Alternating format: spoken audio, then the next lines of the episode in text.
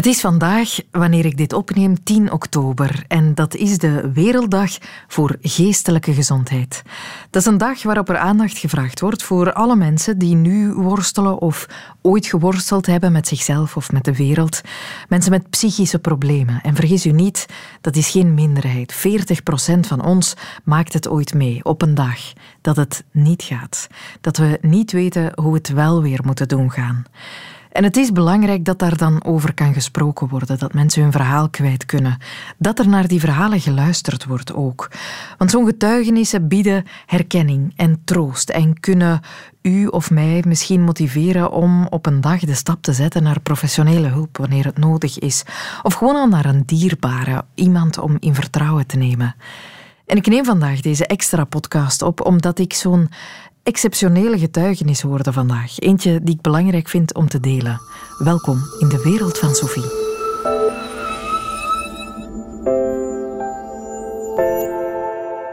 De wereld van Sophie.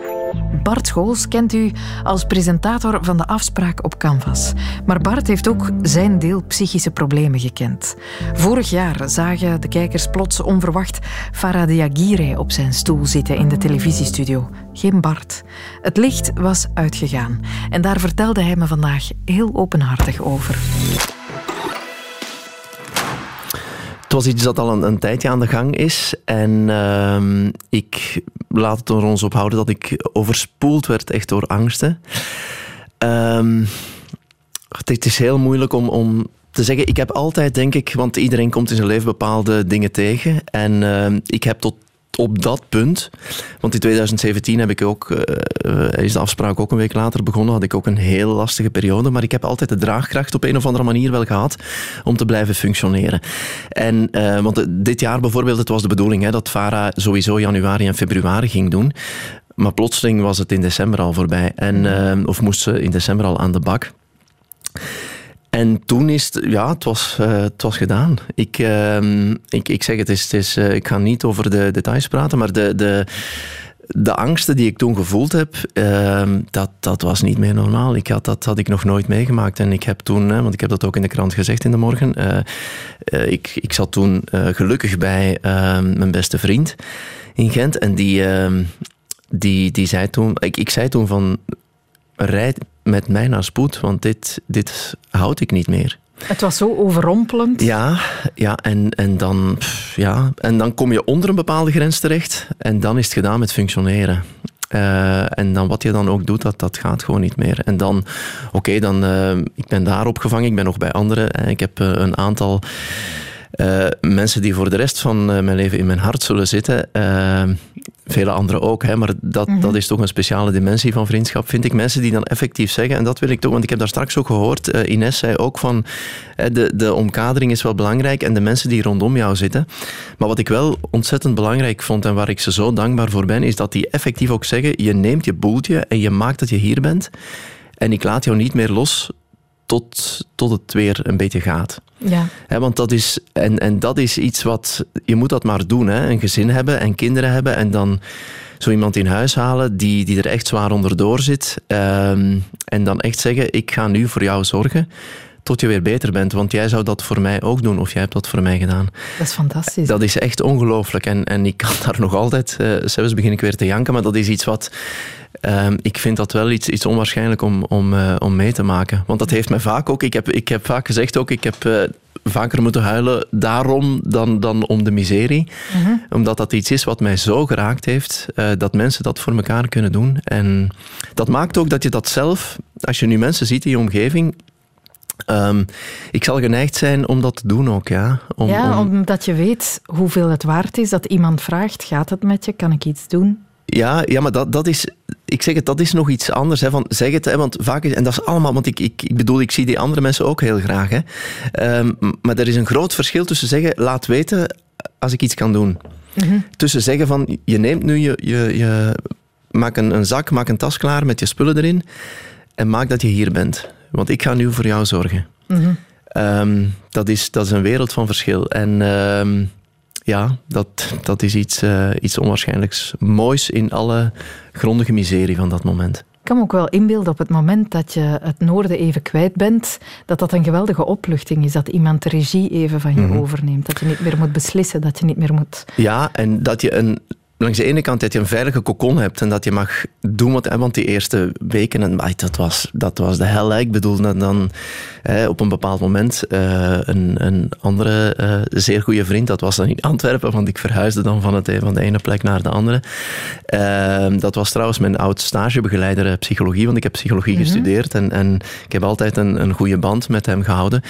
En ik had daar alle... Die zegt, je staat en je, je, je bent hier en we zijn er voor jou. Die, morgen stond mijn vers geperst fruitsap daar klaar. Dat was zorgen voor en onvoorwaardelijke zorg. En uh, die zegt van, je doet wat je wil. En er werd af en toe, we praten natuurlijk af en toe wel, want op, op, een bepaald moment zei hij wel, Bartje, dit is, dit is een depressie. Hè? En dan zeg ik, ja, ik dacht het wel. Maar als je dat dan hoort, dan komt dat nog altijd wel een beetje binnen. Want wat deed ik op zo'n dagen? Dat was uh, zes afleveringen van Homeland kijken op Netflix. En voorts niks, hè, Sophie. Dat mhm. was... Uh, dat is overleven. Ja, en dat was die, die, die kleine prikkels van, van uh, zo'n tv-serie, dat was het enige, de enige notie van geluk is een te groot woord, maar van, van iets waar ik nog iets of wat plezier aan beleefde, dat was een, een, een 50 minuten Netflix kijken. Ik vond, ik, je kon nergens nog, ik kon nergens nog iets uithalen. Ik kon niet, ik had geen zin meer om naar buiten te gaan. Ik had geen zin meer om, om uit die zetel te komen eigenlijk. Ik had vaak ook geen zin om, om onder de douche te gaan staan. Um, dat is, dat is toch wel vrij uh, confronterend als je daar mhm. plotseling in zit. En, wat, en dat wil ik ook zeggen, hè, wat, wat op zo'n moment geweldig belangrijk is, hè, want ik, ik had, ik, ik heb dat ook gezegd in de morgen, ik heb uh, gekwetst, ik, ik ben ook gekwetst, maar ik heb, ik heb mensen heel erg gekwetst. En dat iemand op dat moment zegt, en dat doen, dat doen die vrienden dan ook wel eens zeggen, ja oké, dat, was, dat was niet zo prettig, dat was niet oké, dat was niet zo fraai. Maar dit is niet, dat is niet alles wat jij bent. Hè? Iemand heeft me dan, een van die uh, vrienden heeft me ook een, een nummer uh, meegegeven op CD van This Isn't Everything You Are. Ik weet niet meer, was het nu van, van de Black Keys? Eh, dat weet jij misschien beter dan ik. Mhm. Maar dat was en, en, dat je niet vereenzelvigt, want je vereenzelvigt je, je, vereenzelvigt je op, op dat moment met alle foute dingen die je gedaan hebt. Mhm. En zij zeggen dan, ja maar wacht, heb je de intentie gehad om iemand te kwetsen? Ik zeg, ja nee, natuurlijk heb je niet de intentie gehad.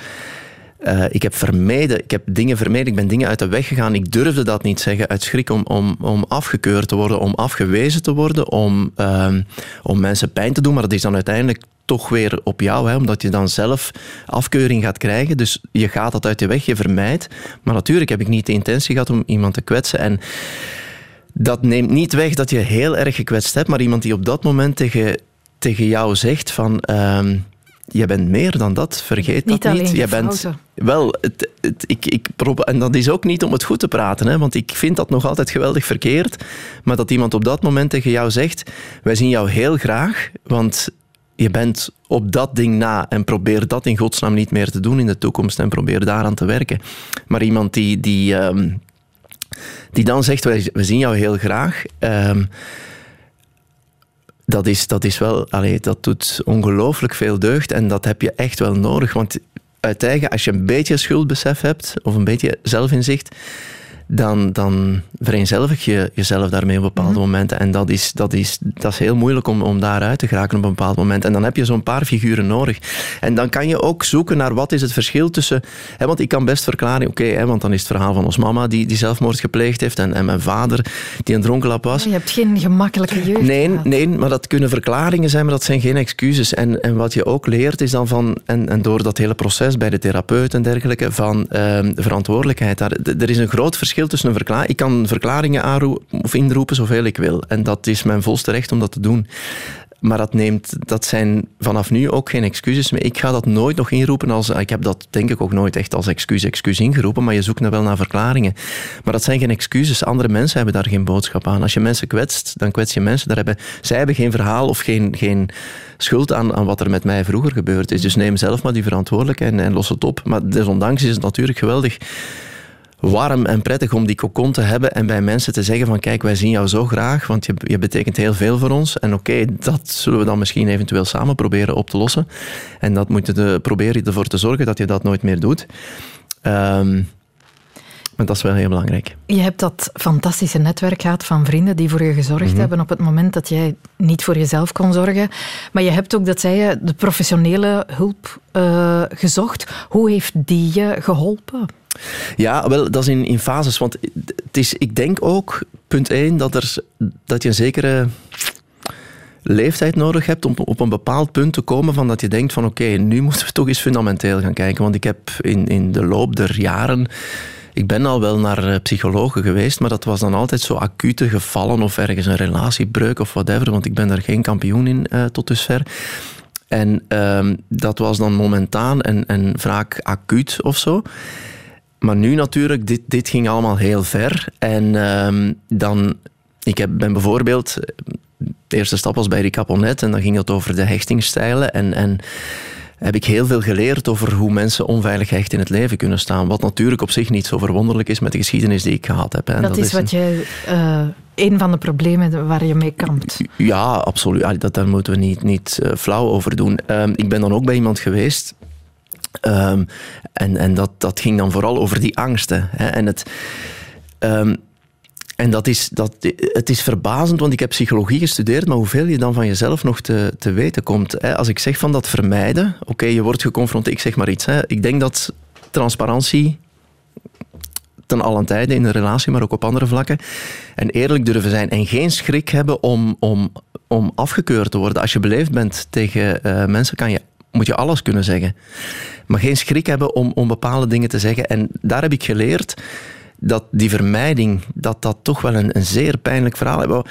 Het idee van dat je door dingen te verzwijgen en uit de weg te gaan en niet te bespreken, dat je daar beter van enfin, dat is, dat is zo'n waanzinnige gedachte. Allee, het is geen gedachte, het was een automatisme. Ik ben, denk ik, opgegroeid met vermijding. En je kan dat dan terugkoppelen bijvoorbeeld aan, aan mijn moeder. Hè, de, dag dat ze, dat ze er uit leven gestapt is, of de avond ervoor, is, is ze langsgekomen. Ik, ik ben, ze zat dan onder de drank en onder de pillen en, en ik ben dan kwaad op geworden. Nu, als dat dan gebeurt, diezelfde nacht, dan, dan leer je niet bepaald dat het een goed plan is om je emoties op tafel te gooien. Hè? Dus dat, dat mhm. is ook ergens wel allemaal logisch. Maar tegelijkertijd, dat is, dat is helemaal geïnternaliseerd. Ik heb dan, en dat is niet op, op alle vlakken, hè, want ik ben best assertief. Eh, mag je beneden aan de redactie gaan vragen. maar ik, eh, op, op bepaalde vlakken ga je dan toch dingen uit de weg gaan en, en vermijden. En dan zeker in, in, in, relaties. En dat moet je dus niet, niet doen. Hè, maar dat is een heel leerproces geweest. En uiteindelijk, hè, dus er zijn verschillende stappen geweest. Stop met te vermijden. Uh, ik, ik zal nu ook bijvoorbeeld, ik heb mezelf voorgenomen, en het is niet, pas op, het is niet dat ik elke dag over alles en nog wat zat te liegen, maar ik lieg nu over niks meer. Hè. Als ik uh, de kleinste prullen, als ik zeg van ik heb geen zin om vanavond naar jou te komen, dan zeg ik ik heb geen zin, dan zeg ik niet ik heb iets anders te doen. En ik lieg over niks meer. Omdat je moet leren van die afkeuring en die, die ja, dan kan het zijn dat mensen ontgoocheld zijn of eender wat, maar dan... Uh, het hoort, dan, het hoort er gewoon bij, ja, zo so be it. Hè. Wees beleefd, wees correct, wees respectvol, maar zeg gewoon zoals het is de hele tijd. En dan uiteindelijk, en dan kom ik uh, tot het antwoord op je vraag, ben ik nu bij een schematherapeut uh, beland. En dat, ik, ik heb nu het idee dat het volledige plaatje klopt. Dat is ehm, een, een uh, belangrijke stap geweest, die schematherapie. Ja, en dat is eigenlijk iets... Het is een anekdote die heel veelzeggend is. Toen ik mijn stage psychologie afrondde in 2002 was dat, gaf die stagebegeleider waar ik het daarnet over had en die me nu heeft opgevangen in uh, december, januari ook, gaf die mij een boek mee. Uh, leven in je leven heet dat, van Jeffrey Young voor de mensen die geïnteresseerd zouden zijn. En ik heb dat toen meegenomen. Ik ben daar begin in te lezen, maar ik heb dat toen op dat moment niet gevoeld. Nu, dat is intussen 17 jaar geleden. Uh, toen ik in december in grote crisis bij de psychiater terecht kwam, uh, in Gent, gaf die mij op het einde van ons eerste gesprek, en die wist natuurlijk nergens van, en die gaf mij een boek mee. En je mag twee keer raden welk boek dat, dat was. Juist hetzelfde. Exact hetzelfde boek, dat dus al zo lang meegaat, en toch die twee mensen los van elkaar zeggen, die, dit is wat jij moet hebben. Uh, en dat, is, dat, dat was een zeer vreemd, het is een onwaarschijnlijk ervaring. Het is misschien niet zo vreemd, maar het is wel bizar dat dat helemaal terugkomt dan. Hè. En, en dat maakte het plaatje wel een beetje rond. Uh, moet ik al iets vertellen over hoe dat die schematherapie eruit ziet? Laat het ons daar, want ik ben wel heel geïnteresseerd in wat dat is. Het, het, is voor mij geen bekende zaak. Laat ons beginnen met uh, naar muziek te luisteren. Heeft ook veel voor je betekend? Ontzettend veel, ja. ja. Ik heb heel vaak mijn gitaar thuis vastgepakt en tegen mijn muren gezongen.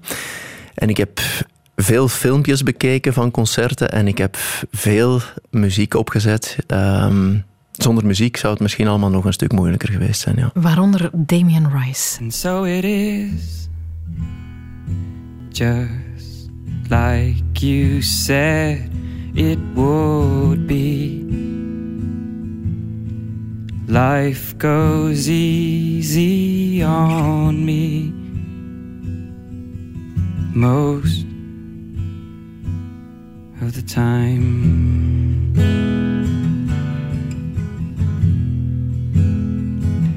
And so it is story. No love, no glory.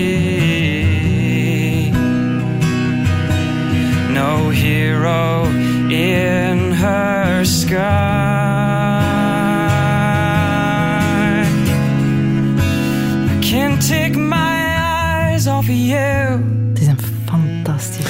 Je moet, je moet eens opzoeken, Werchter 2015. daar in de marquee. Dat is eh, pff, het schoonste wat ik ooit gezien heb, denk ik. Het doet je wat, hè, het nummer? Ja, ja. The absoluut. Blower's Daughter. Mhm. We hadden het over eh, schematherapie. Een therapie die Mhm. jij volgt. Ehm, niet zo bekend. Toch niet bij mij? Wat is Nee, het eigenlijk? wel, het is blijkbaar serieus aan het boomen in, in Duitsland en Nederland. En ehm, ondanks het feit dat ik dat boek dus, wat ik daar straks zei van mijn eh, stagebegeleider al twintig jaar geleden bijna gekregen heb, want dat is daarop, daarop geënt, op het boek Leven in je leven van Jeffrey Young. Ehm, het, het, voor mij past de puzzel nu helemaal. En wat schematherapie doet, en ik probeer het nu eh, samen te vatten, eh, kort samen te vatten, is kijken de, de basisbehoeften die een kind heeft tussen zijn tweede en zijn veertiende. Dus mijn moeder is eruit gestapt eh, toen ik dertien was. Al de miserie ervoor met, met vader en zo, dat, dat was ook de jaren voordien. De manier waarop ehm, eh, je ouders toen al dan niet aan je basisbehoeften hebben voldaan, hoe je dat meeneemt in je latere leven en vooral ook in je relationele leven. En, want je hebt de gedragstherapie, hè, dus als je iets eh, doet en je wordt daarvoor beloond, dan, ga je dat dan gaat dat gedrag toenemen. Je hebt de cognitieve gedragstherapie, waar je eerst bepaalde dingen moet herstructureren in je hoofd, zeggen van dat klopt niet, en dan je gedrag eraan aanpassen. Maar er, is, eh, er werd eigenlijk vastgesteld, die meneer Jong, die, die zag eigenlijk van dat dat bij mensen met een hechtings, hechtingstoornis bijvoorbeeld, maar ook eh, mensen met een borderline persoonlijkheidsstoornis eh, en, en dergelijke specifieke aandoeningen, als ik het zo mag zeggen, dat die cognitieve gedragstherapie toch niet altijd toereikend was. En daarop heeft hij zijn schematherapie ontwikkeld. En wat je eigenlijk doet, is je gaat kijken welke patronen heb je meegenomen in, in je leven. Eh, op welke momenten komt het, het, het gekwetste kind opnieuw naar boven en ga je dat compenseren en... en zorg je daar niet meer voor jezelf. Hè? Want dat is wat er op dat moment gebeurt. Je gaat dan eh, bijvoorbeeld dat pleasen. Hè? Iedereen maar goed willen doen en, en jezelf helemaal verliezen en altijd maar willen, willen goedkeuring krijgen van een ander. Ehm, dergelijke dingen. Je kan ook eh, altijd maar om aandacht gaan zoeken om toch maar bij mij, eh, mijn therapeut heeft gezegd van ik ben er nog niet helemaal uit. Ik denk intussen dat hij er wel uit is, maar in, na een, een viertal sessies zei hij van ik ben nog niet helemaal zeker, maar ik denk dat het bij jou toch echt gaat om betekenis. Ehm, als ik hoor, hè, en hij legt dan alle, puzzels samen, heeft ook met al mijn vorige therapeuten gebeld, heeft mijn eigen, eigen geschiedenis natuurlijk genoteerd, en zegt dan van, ik, ik, ja, het valt niet te verbazen dat jij eh, met het idee zit van waarom zou ik nu de moeite waard zijn? En dan heb je dat als kind, dan ga je dat compenseren met te sporten, met, met ergens proberen de beste in te zijn, met op tv te komen, Sophie, en dan nog altijd misschien andere programma's te gaan doen en altijd maar bevestiging te zoeken van mensen, door te gaan pleasen, door eh, relationeel eh, de wilde toer op te gaan af en toe, om toch altijd maar je betekenis ergens uit te kunnen halen. En dat is een beetje dat, dat kind dat verwaarloosd is, dat zich dan manifesteert en gaat compenseren. En dan is de bedoeling eigenlijk, wat heeft een gezonde volwassene nu nodig? Want er is nog altijd een, een, een zeer gezond stuk aan mij, heeft hij verteld, waar ik zeer blij, Ja, blij om ja. was. Ehm, hoe, gaan we die, hoe gaan we ervoor zorgen dat die een beetje de overhand neemt en dat het andere een, een plaats krijgt? Enfin, ik weet niet of het... patronen te doorbreken. Ja, want door ehm, die jeugd hè, zijn sommige patronen van dat naar betekenis zoeken en aandacht vragen en te, te voelen van, hey, zeg nu toch eens dat ik iets waard ben. Dat zit zo diep geworteld en heel vaak is dat ook onbewust. Hè. Ik ben nooit gaan sporten met het idee van ik heb geen betekenis. Maar ik ben wel, uh, en ik kan zeer goed tegen mijn verlies, maar ik ben ontzettend competitief. Hè. Ik wil, wat ik doe, wil ik dan toch proberen op zijn minst om de beste in te zijn. En je doet dat niet vanuit het ding van ik, ik, uh, ik heb betekenis nodig. Maar heel veel van die dingen zijn zo diep gewortelde patronen wat, wat maakt het uit, tenzij je een professional bent en je er centen mee verdient, wat maakt het uit hoeveelste ik aankom in een wielerwedstrijd? Dat maakt toch geen bal uit? Mhm. Maar toch overal die, die bevestiging en die betekenis gaan zoeken. En die patronen herkennen en daar ook je bewust van worden en daar dan aan werken. Dat is, dat is wat een schematherapeut doet. En ik denk persoonlijk, maar dat is nu een heel persoonlijke overtuiging, voor mij past de puzzel nu helemaal. En het is niks van korte adem. Ik ben daar nu uh, ja, toch al een, een, maand of acht naartoe. Ik ga elke week, ik moet mij zelfs haasten, want om twaalf uur ja, moet ik in, moet er straks heen. Om twaalf uur moet ik in Langdorp zijn. Dus uh, Paul Schobra, als je dit hoort, het zou kunnen dat ik vijf minuten later ben. Het is maar, mijn schuld. ja, het is een schuld van Sophie Lemaire. Maar ik heb het idee dat de puzzel nu helemaal uh, dit past. werkt dat, voor je. Wel, dat zullen we moeten zien. Maar ik denk wel, en ik laat dit ook niet los. Ik ga el, quasi elke week. ja, hoe kijk je daarnaar? Heb je het gevoel, dit is iets waar ik nu dit blijft bij mij, ik ga hieraan moeten blijven werken? Um, dat, dat zal altijd een stuk. Ik bedoel, als je moeder dat op een bepaald moment gedaan heeft, ja, kijk, en je vader uh, stond ook al niet de beste in het leven, dan, dan is dat iets wat wellicht. Uh, ik zal dat altijd meedragen natuurlijk, maar de, vraag is wat doe je ermee en hoe ga je ermee om? En ik denk dat ik er nu op een, aan het leren ben om er op een heel bewuste manier mee om te gaan en bepaalde keuzes te maken. Want ik zeg het, je kan verklaringen inroepen, maar dat zijn niet excuses, want, want elk ding dat je doet is een keuze die je maakt. En ik denk dat dit verhaal mij wel heel erg helpt om, om ergens te geraken, want ik zeg het, ik ben er negen maanden mee bezig. Vergeet ook niet, en dat wil ik toch echt benadrukken, december was echt de hel, hè. dat was het zwarte gat. En dan is medicatie wel cruciaal. Ik neem nog altijd medicatie. Ik neem nog elke dag s morgens mijn, uh, mijn pilletje. Um, en dat zal ik ook nog een, een, hele tijd wellicht blijven doen. En dat net in de combinatie met, met die therapie waarvan ik denk, dit voelt aan alsof de hele puzzel nu past. En laat ons hopen dat we ergens geraken. Mm -hmm. Maar ik heb daar ook, ik, ik los dat ook voor geen meter. En er gaat ook niks. Ik laat al de rest uh, even opzij. Een, een, hè, waar je, je wil samen zijn. Je wil natuurlijk niet alleen eindigen. Je wil een gezin misschien zelfs. Maar dat zijn allemaal dingen. Nu gaat het hier om. Mm -hmm. En nu gaat het om voor mezelf zorgen en proberen van onafhankelijk van iemand anders, van, uh, om sterk genoeg te kunnen zijn om, om in het leven te staan en om bepaalde dingen niet meer te doen. En ja. dat is nu absolute prioriteit. En uh, ik voel wel dat dat op dat vlak en voor mijn problematiek mm -hmm. heel belangrijk is. En ik, ik denk eigenlijk, als ik mensen rondom mij bekijk, vrienden, kennissen, um, en vaak komt het daarop neer. Hè? Een, een verstoorde, ergens een verstoorde ouder-kindrelatie. Ik denk dat er echt heel veel mensen gebaat zouden zijn met deze specifieke vorm van therapie. Ik ben nu een beetje reclame aan het maken, maar ik heb daar geen percent op of zo. Dus het is echt vanuit een, een oprechte overtuiging dat, dat mensen ermee geholpen zouden zijn. Mocht het iemand interesseren, er is een website, Schematherapie Vlaanderen.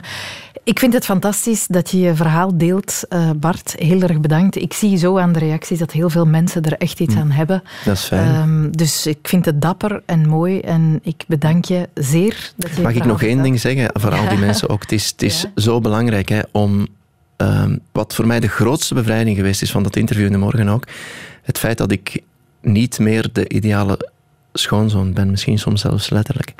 Um, dat niet perfecte, I don't care anymore. Ik heb absoluut fouten gemaakt en zo, maar hetgeen dat je vroeger altijd probeerde te verstoppen en dat dat niet perfect zijn en geweldig grote fouten gemaakt hebben, maar dat dat deel uitmaakt van wie je bent en dat je er probeert iets aan te doen, dat is de grootste bevrijding die ik in mijn leven gekend heb, denk ik. En een aanrader voor iedereen ja. die worstelt om te praten yep. en om de problemen onder ogen te zien. Mm -hmm. Heel erg bedankt, Bart Schols. Alsjeblieft. En nu, hup, naar die therapeut. Ja, ik, ik haast mij.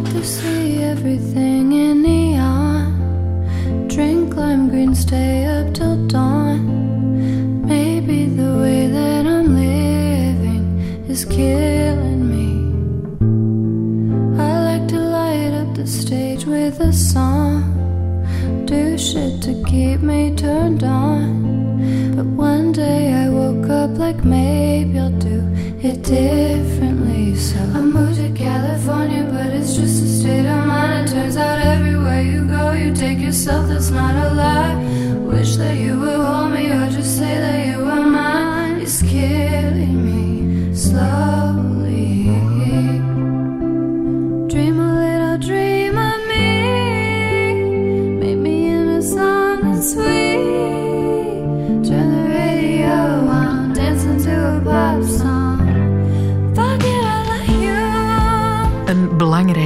Een dappere getuigenis van Bart die ik je niet wilde onthouden. Een wereld van Sophie Extra was dit ter gelegenheid van de Werelddag voor Geestelijke Gezondheid. Vrijdag is er weer een nieuwe gewone podcast en elke weekdag hoor je ons natuurlijk op Radio 1 tussen 10 uur en 12 uur. Tot snel.